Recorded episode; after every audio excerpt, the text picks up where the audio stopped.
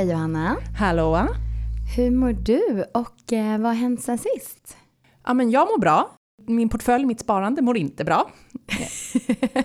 men ähm, ja, det viktigaste är väl att jag mår bra själv. Nej men äh, skämt åsido, det har ju varit lite stökigt på börsen senaste veckan. Kan man lugnt säga. I övrigt så har jag arbetat med att starta upp ett jättestort projekt, CSRD, Corporate Sustainability Reporting Directive. Det handlar alltså om att bolag ska börja hållbarhetsrapportera in, enligt en enhetlig eh, och väldigt mycket mer omfattande standard än tidigare. Så det har varit fullt upp, kaos på börsen, ett stort uppstartsprojekt och eh, ja, så det, helgen blev mest hänga med Julia och lite gamla vänner. Men det låter väl ändå toppen att du tog igen det mm. efter det där monsterprojektet och börsen. Ja, så vi se. Det, det är inte så att det tyvärr eh, blev klart efter förra veckan, utan det är ju kommande två härliga år eller något. Men hur är det med dig? Jo men det är bra tack, det är bra. Och sen sist, jag har lyckats vara på en superhärlig teater förra veckan. På Orionteatern, så himla vacker lokal, så det var toppen. Vi har haft lite spelkväll med teamet. Det var också jättemysigt. Ibland behöver man göra lite sånt och hänga mm. lite mm. efter jobbet. Teamet, vilka är teamet? Ja, fondteamet på Avanza. Superhärligt gäng. De du jobbar taj tajtast med egentligen? Ja, men det kan man säga. Absolut. Annars har jag spelat eh, tennis här i helgen och det var så himla roligt. Jag kände mig så nöjd när jag gick därifrån för det var en kvinna som kom in när vi spelade och bara Hej hej, är det ni som håller i minitennisen idag? Oh. Och jag bara, eh, nej, nej. Hon bara, ja, nej men ni såg ut som instruktörer. så glad för det. Eller så är det inte ett bra betyg att man ser ut som att man ska hänga med kids och spela tennis, jag vet inte. jo, men jag tror att du hade rätt teknik. Plus att du såg snäll och trevlig ut. Exakt, ja men det är bra. Jag, jag tolkar det som något positivt. Men utöver det så träffade jag vår gemensamma kompis Aresu och hon kom med ett supertips. Och det har man ju såklart hört andra som har gjort, men jag tycker ändå det här måste vi uppmuntra till och hoppas fler hänger med på. Hon sa att vi borde starta en liten investerarklubb. Som en bokklubb. Man kanske sätter av ja, men så 500 kronor i månaden eller någonting. Och så varje månad så är det en person som bestämmer vad man ska investera i. Så drar liksom lite bakgrund, drar caset och så går alla in, om man då kan, om man har eh, möjlighet till det, och köper. Superkul. Och då tänker jag att både aktier och fonder och om det nu är någonting annat som man vill investera i så gör man det ihop. Precis som att det är lite bra att signa upp sig för, ja men vad vet jag, Tjejmilen om man vill komma igång och ut och springa. Så ja men det här känns som... Ja, ett... Eller bokklubben för att faktiskt läsa. Ja men exakt. Och då läser man ju kanske något nytt som man inte hade tänkt sig tidigare. Så det här tycker jag vi ska köra igång med. Ja men absolut. Och man behöver ju inte ha en fast, man behöver inte ha en bestämd summa utan alla kan ju köra lite på den summan som passar dem. Exakt. Alltså om någon vill ha 200, någon vill ha 500, någon vill ha 1000 så spelar ju inte det någon roll. Nej men eller hur. Men alltså jag är taggad. Det där måste vi köra på. Mm, det kör vi på. Spännande. Ska det vara i form av någon slags så Robinson, att, att folk blir utröstade, de som har kommit med sämst förslag? Ett öråd? Det hoppas jag inte. För jag vet att jag brukar lyckas tajma in lite dåligt. Köpa på toppen och sälja på botten. Ja, alla får sätta upp sina egna regler. Okej Johanna, men lite nyheter och spaningar sen sist. Och som vi touchade på så har det ju varit ganska mycket kring den här bankrunnen i USA och allting. Kan inte du ge en liten update på det här? Ja, men eh, bankkaoset får vi väl kalla det från USA. Det har ju spridit sig till Europa och till Credit Suisse närmare bestämt. Eh, den stora jättebanken i Schweiz. Anrik bank räknas som en av de 30 systemviktiga bankerna i världen. Och eh, i förra veckan då så, så blev det uppenbart att Credit Suisse har stora problem och eh, till slut så efter massa vändor så under helgen så blev det klart att UBS, den allra största banken i Schweiz, de går in och köper Credit Suisse. Jag tror kanske det här kanske inte ens var ett så valfritt köp, utan jag kan tänka mig att i princip eh, centralbanken i Schweiz ringde upp till UBS och sa nu köper ni Credit Suisse. De bara, nej, jo, det gör ni. Alltså det var ju... Det var det hade, ord och inga visor. Det hade ju blivit kaos om inte eh, det här hade liksom blivit beslutat om under helgen då, nu när marknaden hade öppnat i morse så skulle det nog bli ännu större nedgångar än vad det faktiskt blev. Men lite intressant, det här köpet eh, har ju massa olika villkor och parametrar, men bland annat, eller någonting som, som man ändå hajar till lite vid, det är att UBS, de köper Credit Suisse för 2 miljarder dollar. Det är alltså en fjärdedel av börsvärdet som Credit Suisse hade när de stängde i eh, fredags. Och då har de redan rasat jättemycket det här året. Så det är liksom, de köper den här jättebanken för en prislapp som är liksom lägre än, säg, Avanza värderas till. Ganska mycket lägre. Ja, det är sjukt. Ja, den här, en av de 30 största, mest systemviktiga bankerna i världen. Men det är väl helt enkelt väldigt mycket skit i deras böcker och eh, varför de är i sån krispanik. Det finns det väldigt många olika skäl till. De har gjort dåliga investeringar, det har varit personal som har slutat. Alltså det har varit kaos under ganska lång tid i Credit Suisse och många har pekat på farorna där också. Och det har varit liksom vissa mm, priser på marknaden och nyckeltal som har pekat på att Credit Suisse är eh, riktigt i skiten. Så att eh, lite halvt så avlöstes väl den krisen, men det som alla väntar på nu det är om det ska sprida sig ytterligare. Och eh, det vi har sett är ju att förra veckan var ju den sämsta börsveckan på Stockholmsbörsen i år. OMXS30 backade 4,75 procent. Ja, men det är ju fortfarande ingen sån där krasch. Det är inte den där riktiga urblåsningen som eventuellt skulle kunna komma. Vi får väl se. Men det är lite, det är lite svårtolkat nu. Jag menar, idag öppnade börsen ner 2% idag tisdag. Sen nu senast jag kollade så hade den stigit. Så det, det är supersvängigt och jag hänger liksom inte alls med i vad som sker. Det är Men, väldigt stökigt. Det är ju det. Och en följdfråga där brukar ju bli så här, vad ska man göra nu? Och det kanske låter tråkigt, men gör inga förhastade saker överhuvudtaget med Nej, det. Sitta stilla i båten och inte försöka tajma in. Ja, det blir så här, om det kommer några riktigt risiga börsdagar ser vi historiskt så brukar ju, eh, brukar ju de där riktigt toppendagarna komma därefter och det är ju omöjligt att tajma tajma det där. Det finns ju, det finns ju de som räknar på så här, vad skulle hänt om du hade missat de tio bästa börsdagarna de senaste 20 åren eller 30 åren. Jo, då hade du hälften så stor hög avkastning, så du hade tappat Oj. hälften av din avkastning bara mot om du hade missat de här dagarna. Det säger ju någonting om hur stor effekt de här enskilda dagarna kan ha. Ja, och det vill man ju inte missa. Nej, så att eh, försök inte med det där, om du inte är, liksom är trader eller har en tydlig strategi eller så, så, så är det väl bra att kanske inte så här, gå på Aftonbladets rubriker när man bestämmer hur man ska investera. Nej, men då försöker vi ha lite is i magen då. Ja, men att det är väldigt oroligt och stökigt på marknaden, det, det ser man nu i en rad olika så här, nyckeltal och mätningar och index och så. Då finns det bland annat någonting som kallas för Fear and Greed Index. Och det är eh, en humörmätare kan man säga som eh, CNN har satt ihop. Och eh, det är en samlingsindikator där de har sju olika delkomponenter såsom momentum, kursstyrka, efterfrågan på skräp, obligationer, volatilitet, ja men massa olika finansiella nyckeltal som vi kanske får göra i något slags specialavsnitt och efterfrågan på, på trygga placeringar bland annat. Men när man då väger samman alla de här eh, indikatorerna då får man en, eh, tänk som en sån här eh, en temperaturmätare och då ser man nu att pilen den kan peka på extreme fear, fear, neutral, greed eller extreme greed. Och nu har den ju rasat i botten, eller vad man ska kalla det, det är liksom knallröda. Extrem fear är det på, på marknaden just nu. Men gud vad deppigt det lät. Ja, men det, det är ju att det är en pessimism. Man är orolig för eh, hur framtiden ska bli.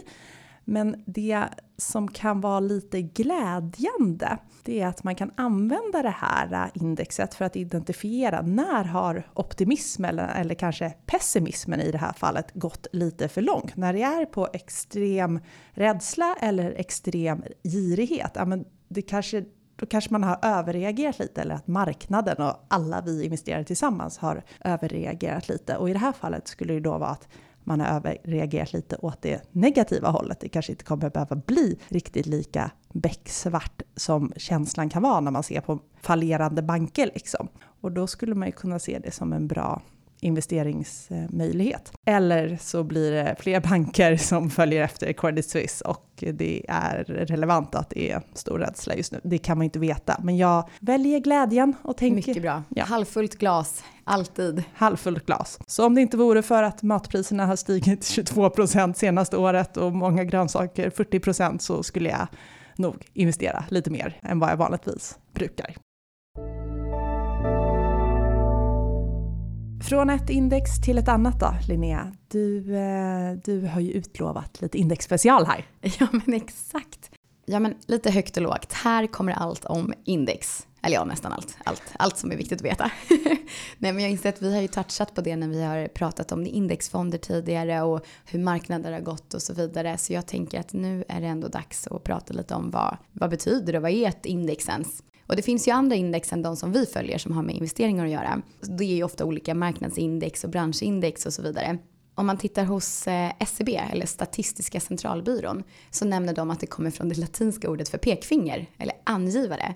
Och det tycker jag, det har man ju hört på engelska, att det finns ett index finger, alltså pekfingret. Ah. Mm, mm, mm, exakt. Och de definierar ett index som en serie tal som visar en relativ förändring över tid i förhållande till en bestämd referenspunkt för till exempel priser, kostnader eller andra mätvärden. Och eh, SCB samlar ju på enormt mycket statistik och har många index som de följer. Till exempel KPI, som jag vet att du pratade om häromsistens, konsumentprisindex. Så det finns ju många olika former av index. Men om vi pratar om index i de här termerna som kanske är mer aktuella eh, med det vi jobbar med och det som vi pratar om i den här podden, alltså investeringar, så hittade jag jättebra info och lite sammanfattning hos Nasdaq som jag tänkte att vi skulle dela med oss av. För det första då, Index väger samman utvecklingen i flera olika aktier och visar den genomsnittliga utvecklingen på en marknad. Därför används index som jämförelsetal. Index har en startdag, då indexet har värdet 100. Om det då står sen i 150 så betyder det att marknaden har gått upp med 50% sen startdagen. Och index kan visa den genomsnittliga utvecklingen på en speciell börs, till exempel Stockholmsbörsen, eller i ett land, till exempel Sverige eller USA, eller i vissa företag, då kan det vara skogsbolag eller fastighetsbolag, så olika branscher. Och index är ofta marknadsviktade och det betyder att varje aktie påverkar indexet i förhållande till sitt börsvärde, alltså hur stort det här bolaget är. Så ett stort företag påverkar mer än liksom ett litet skitbolag om det svänger. Det finns alltså som sagt marknadsindex, typ Stockholmsbörsen och det är Sverige och det är USA. Och så finns det andra typer av index som kanske följer småbolag i ett visst land eller en region eller ett branschindex som tech eller fastigheter eller läkemedel. Eh, och de har ofta lite kluriga namn. Stockholmsbörsens eh, snävaste index med topp 30 mest omsatta aktier, det heter OMXS30. Det är ju kanske inte superintuitivt vid första anblick. Nej, då kan man kika på Avanza Zero om man vill se hur OMXS30 har gått. För Avanza Zero följer ju just precis det indexet. Stämmer mycket bra. Och om man pratar om det vanligaste svenska indexet, då heter det OMXSPI, eller Stockholm All Share. Och eh, det väger samman värdet på alla aktier som är noterade på Stockholmsbörsen och visar alltså upp en helhetsbild av utvecklingen på börsen. Så när, man, när folk pratar om ah, men hur har Stockholmsbörsen gått idag, då är det OMXSPI som man syftar på. Och i USA då har vi till exempel någonting som heter Standard Poor 500, S&P 500. Det kanske man har hört någon gång och då syftar det på de 500 största bolagen i USA istället som är upptagna för handel på börsen där helt enkelt. Och ja, avkastning eller pris kan ha en innebörd när man tittar på index. Och då ska du hålla utkik efter bokstäverna PI och GI. För de berättar nämligen ifall det här indexet är just ett prisindex eller ett avkastningsindex.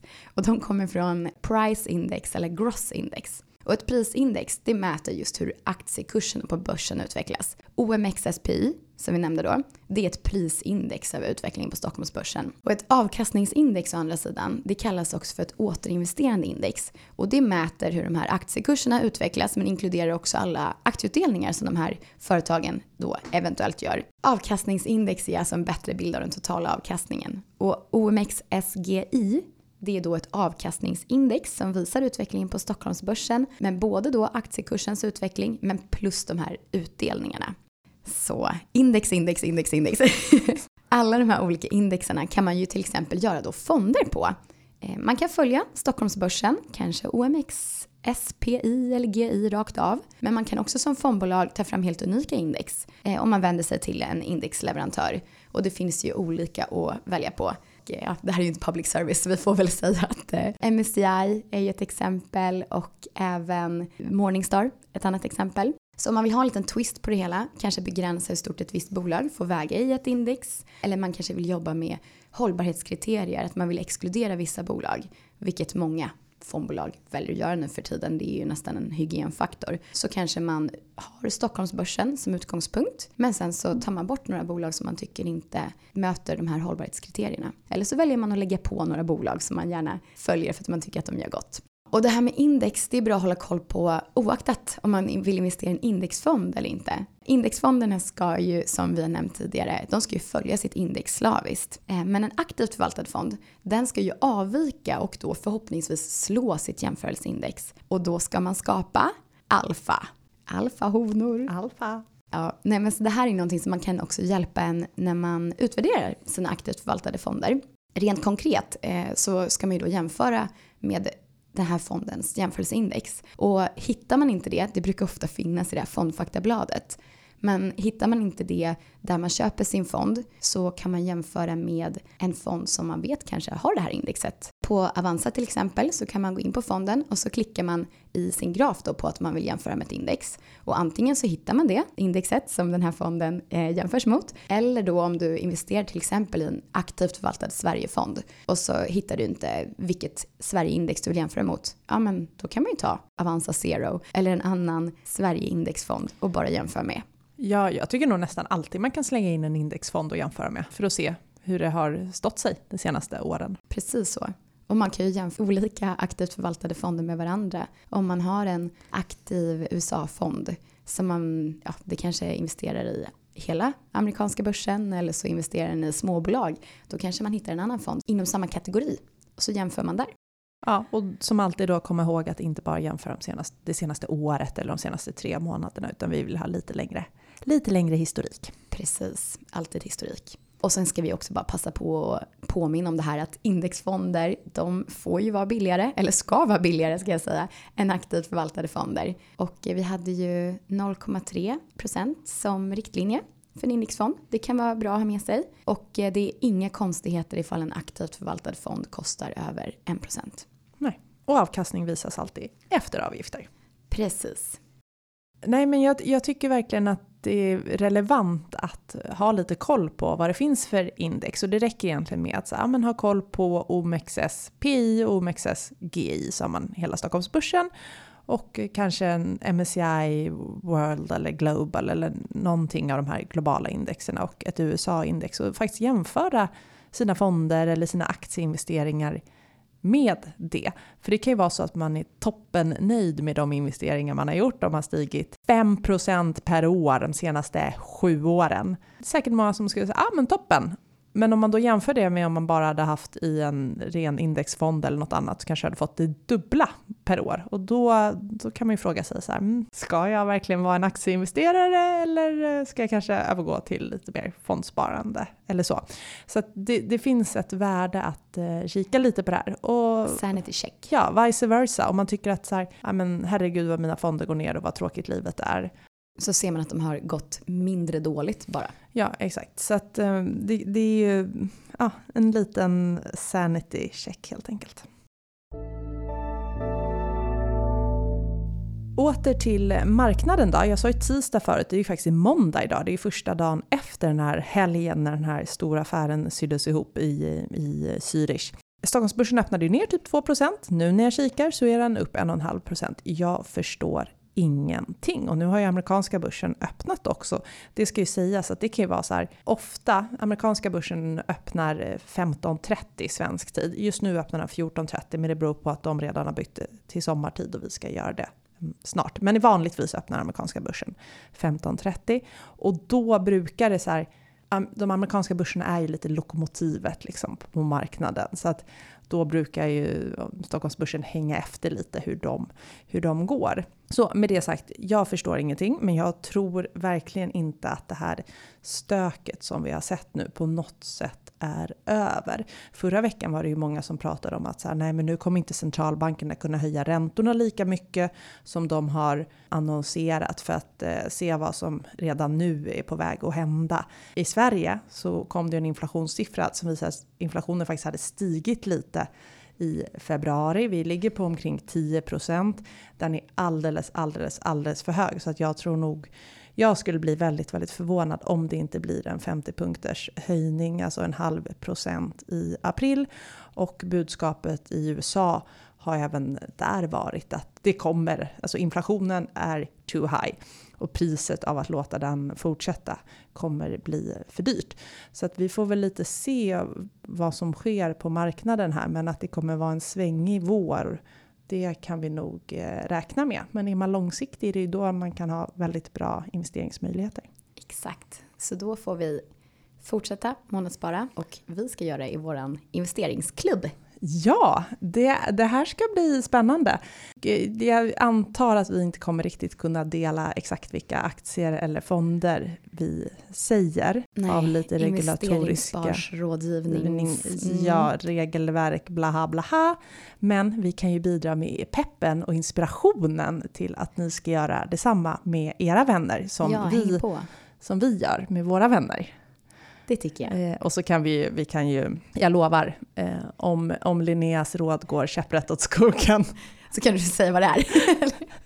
ja, precis. Nej, men vi kan, vi kan återkomma lite med hur det går för oss och om vi har startat upp det och, och sånt där. Och om hur ration, fonder, aktier är och så vidare. Och så vidare. Men eh, ja, om inte annat är det ju en bra ursäkt för att liksom få träffas lite i en grupp med människor som man tycker om och mår bra av. Så bra. Och innan vi börjar avrunda, deklarationen vänner, det, den har ju kommit nu så att så länge man har e-legitimation och det har väl typ hela världen eller hela Sverige i alla fall så kan man ju logga in på Skatteverkets hemsida och faktiskt eh, deklarera. Och ni som kan vara glada nog att få en skatteåterbäring om ni lämnar in, alltså klickar färdig, eh, lämnar in er deklaration innan 30 mars. Då får ni ju då den här skatteåterbäringen redan i april. Annars så kommer ju den i ehm, början av juni. Just det. Man har ju på sig till andra maj, så det är verkligen ingen stress att deklarera, men det är mer om man vill ha. Om man vill ha den där eventuella skatteåterbäringen då i april. Själv har man ju åkt på en härlig eh, restskatt, så att eh, jag kan inte glädja mig åt det. Jag har fått betala in lite extra för att det inte ska dras någon räntekostnad. Aj, aj, aj. Ja, fast det betyder ju att jag har gjort någon vinst någonstans, så att, ja, det är inget synd om mig. Det är bara det att vinsten var förra året. Ja men veckans spara och slösa då? Johanna? Ja men veckans spara. Jag köpte hummer. Spara verkligen? ja men faktiskt, fast också slösa. Nej men det var, because extrapris så var det ju väldigt billigt. 199 kronor för hummer, på, färsk hummer på ICA Brommaplan. ICA wow. Supermarket Brommaplan. Det är ändå härligt med en liten supermarket som har en jättestor eh, skärk. De vet vad de har för crowd där låter det som. Ja, eh, men så här, billigt för hummer, fortfarande svindyrt att köpa fyra humrar. Så att jag, jag både spara och slösa kan jag väl säga. Ja. Men om jag ska ta en riktig spara så har ju liksom tanten i mig gått 100% all in. Och när Julia vaknar klockan sex, kvart i sex och absolut måste gå upp klockan sex på helgmorgonen, då har jag börjat baka bröd. Det är så duktigt. Ja, så att eh, ja, förvisso bara scones här igår, men jag, jag känner mig ändå som så här, någon engelsk tant när jag tar fram min så här, apelsinmarmelad och mina hembakta scones och sitter där och så här, dricker te och äter scones. Ja, men så mysigt. Sju på morgonen och sen är det så här diskat och klart klockan halv åtta. Man bara, jahopp. Men det var spara. Själv? Ja, nej men eh, jag lämnade precis in lite skor och annat bös eh, på arkivet som ligger här i Vasastan och finns på lite andra ställen. Eh, massa saker som jag inte använt på länge, så det tycker jag var bra. Och sen slösa, så här i helgen så köpte jag faktiskt en Apple Watch. Jag har ju diabetes och nu kan jag se mitt blodsocker direkt när jag tittar ner på armen. Och eh, den mätaren som jag har, egentligen så är inte den kompatibel med att skicka till Apple Watch. Men som den lilla hackern jag är så lyckades jag ladda ner en app som gjorde att jag kom in i en annan app som gjorde att jag kunde skicka vidare det här till en kalender som nu visas upp när jag tittar ner på min arm. Det tycker jag var toppen, även om det var en slösa. Och allting jag kommer ta upp under slösa kommer jag motivera med att det är en otrolig investering för mig själv. Men den här gången kommer du undan? Ja, här... men den här gången var det ta mig fan det. Ja, det faktiskt. Ja, men vad tar vi då med oss från idag? Till att börja med, jag tycker Bokklubb Goes investerarklubb. Det sätter vi igång med. Det gör vi. Sen kan vi konstatera att det är en extrem rädsla på marknaden just nu. Det är befogad oro, men om det skulle visa sig att det inte blir riktigt lika mörkt så kan det också vara en god investeringsmöjlighet för framtiden. Ja, men vi tar, vi tar det med oss. Glaset halvfullt. Och sen så tar vi ju med oss det här med index då, som det är någonting som man använder som ett jämförelsetal. När man kikar på ett index inom investeringar så kan de till exempel visa den genomsnittliga prisutvecklingen eller avkastningsutvecklingen på en specifik börs. Typ Stockholmsbörsen, eller i ett visst land, kanske Sverige eller USA, eller en viss bransch, typ fastigheter eller tech. Och ett prisindex, då håller man utkik efter det här PI, och är det ett avkastningsindex som alltså inkluderar utdelningar så är det GI. Och de här indexen är det som fondbolag köper in för att basera sina indexfonder på. Så kan man då följa vilken viktning de ska ha i sin portfölj mot olika aktier. Och de här indexerna kan vi använda för att utvärdera våra aktivt förvaltade fonder också. Men det var väl allt. Tack för idag. Tack själv och eh, lycka till där ute. Tack för att ni lyssnade.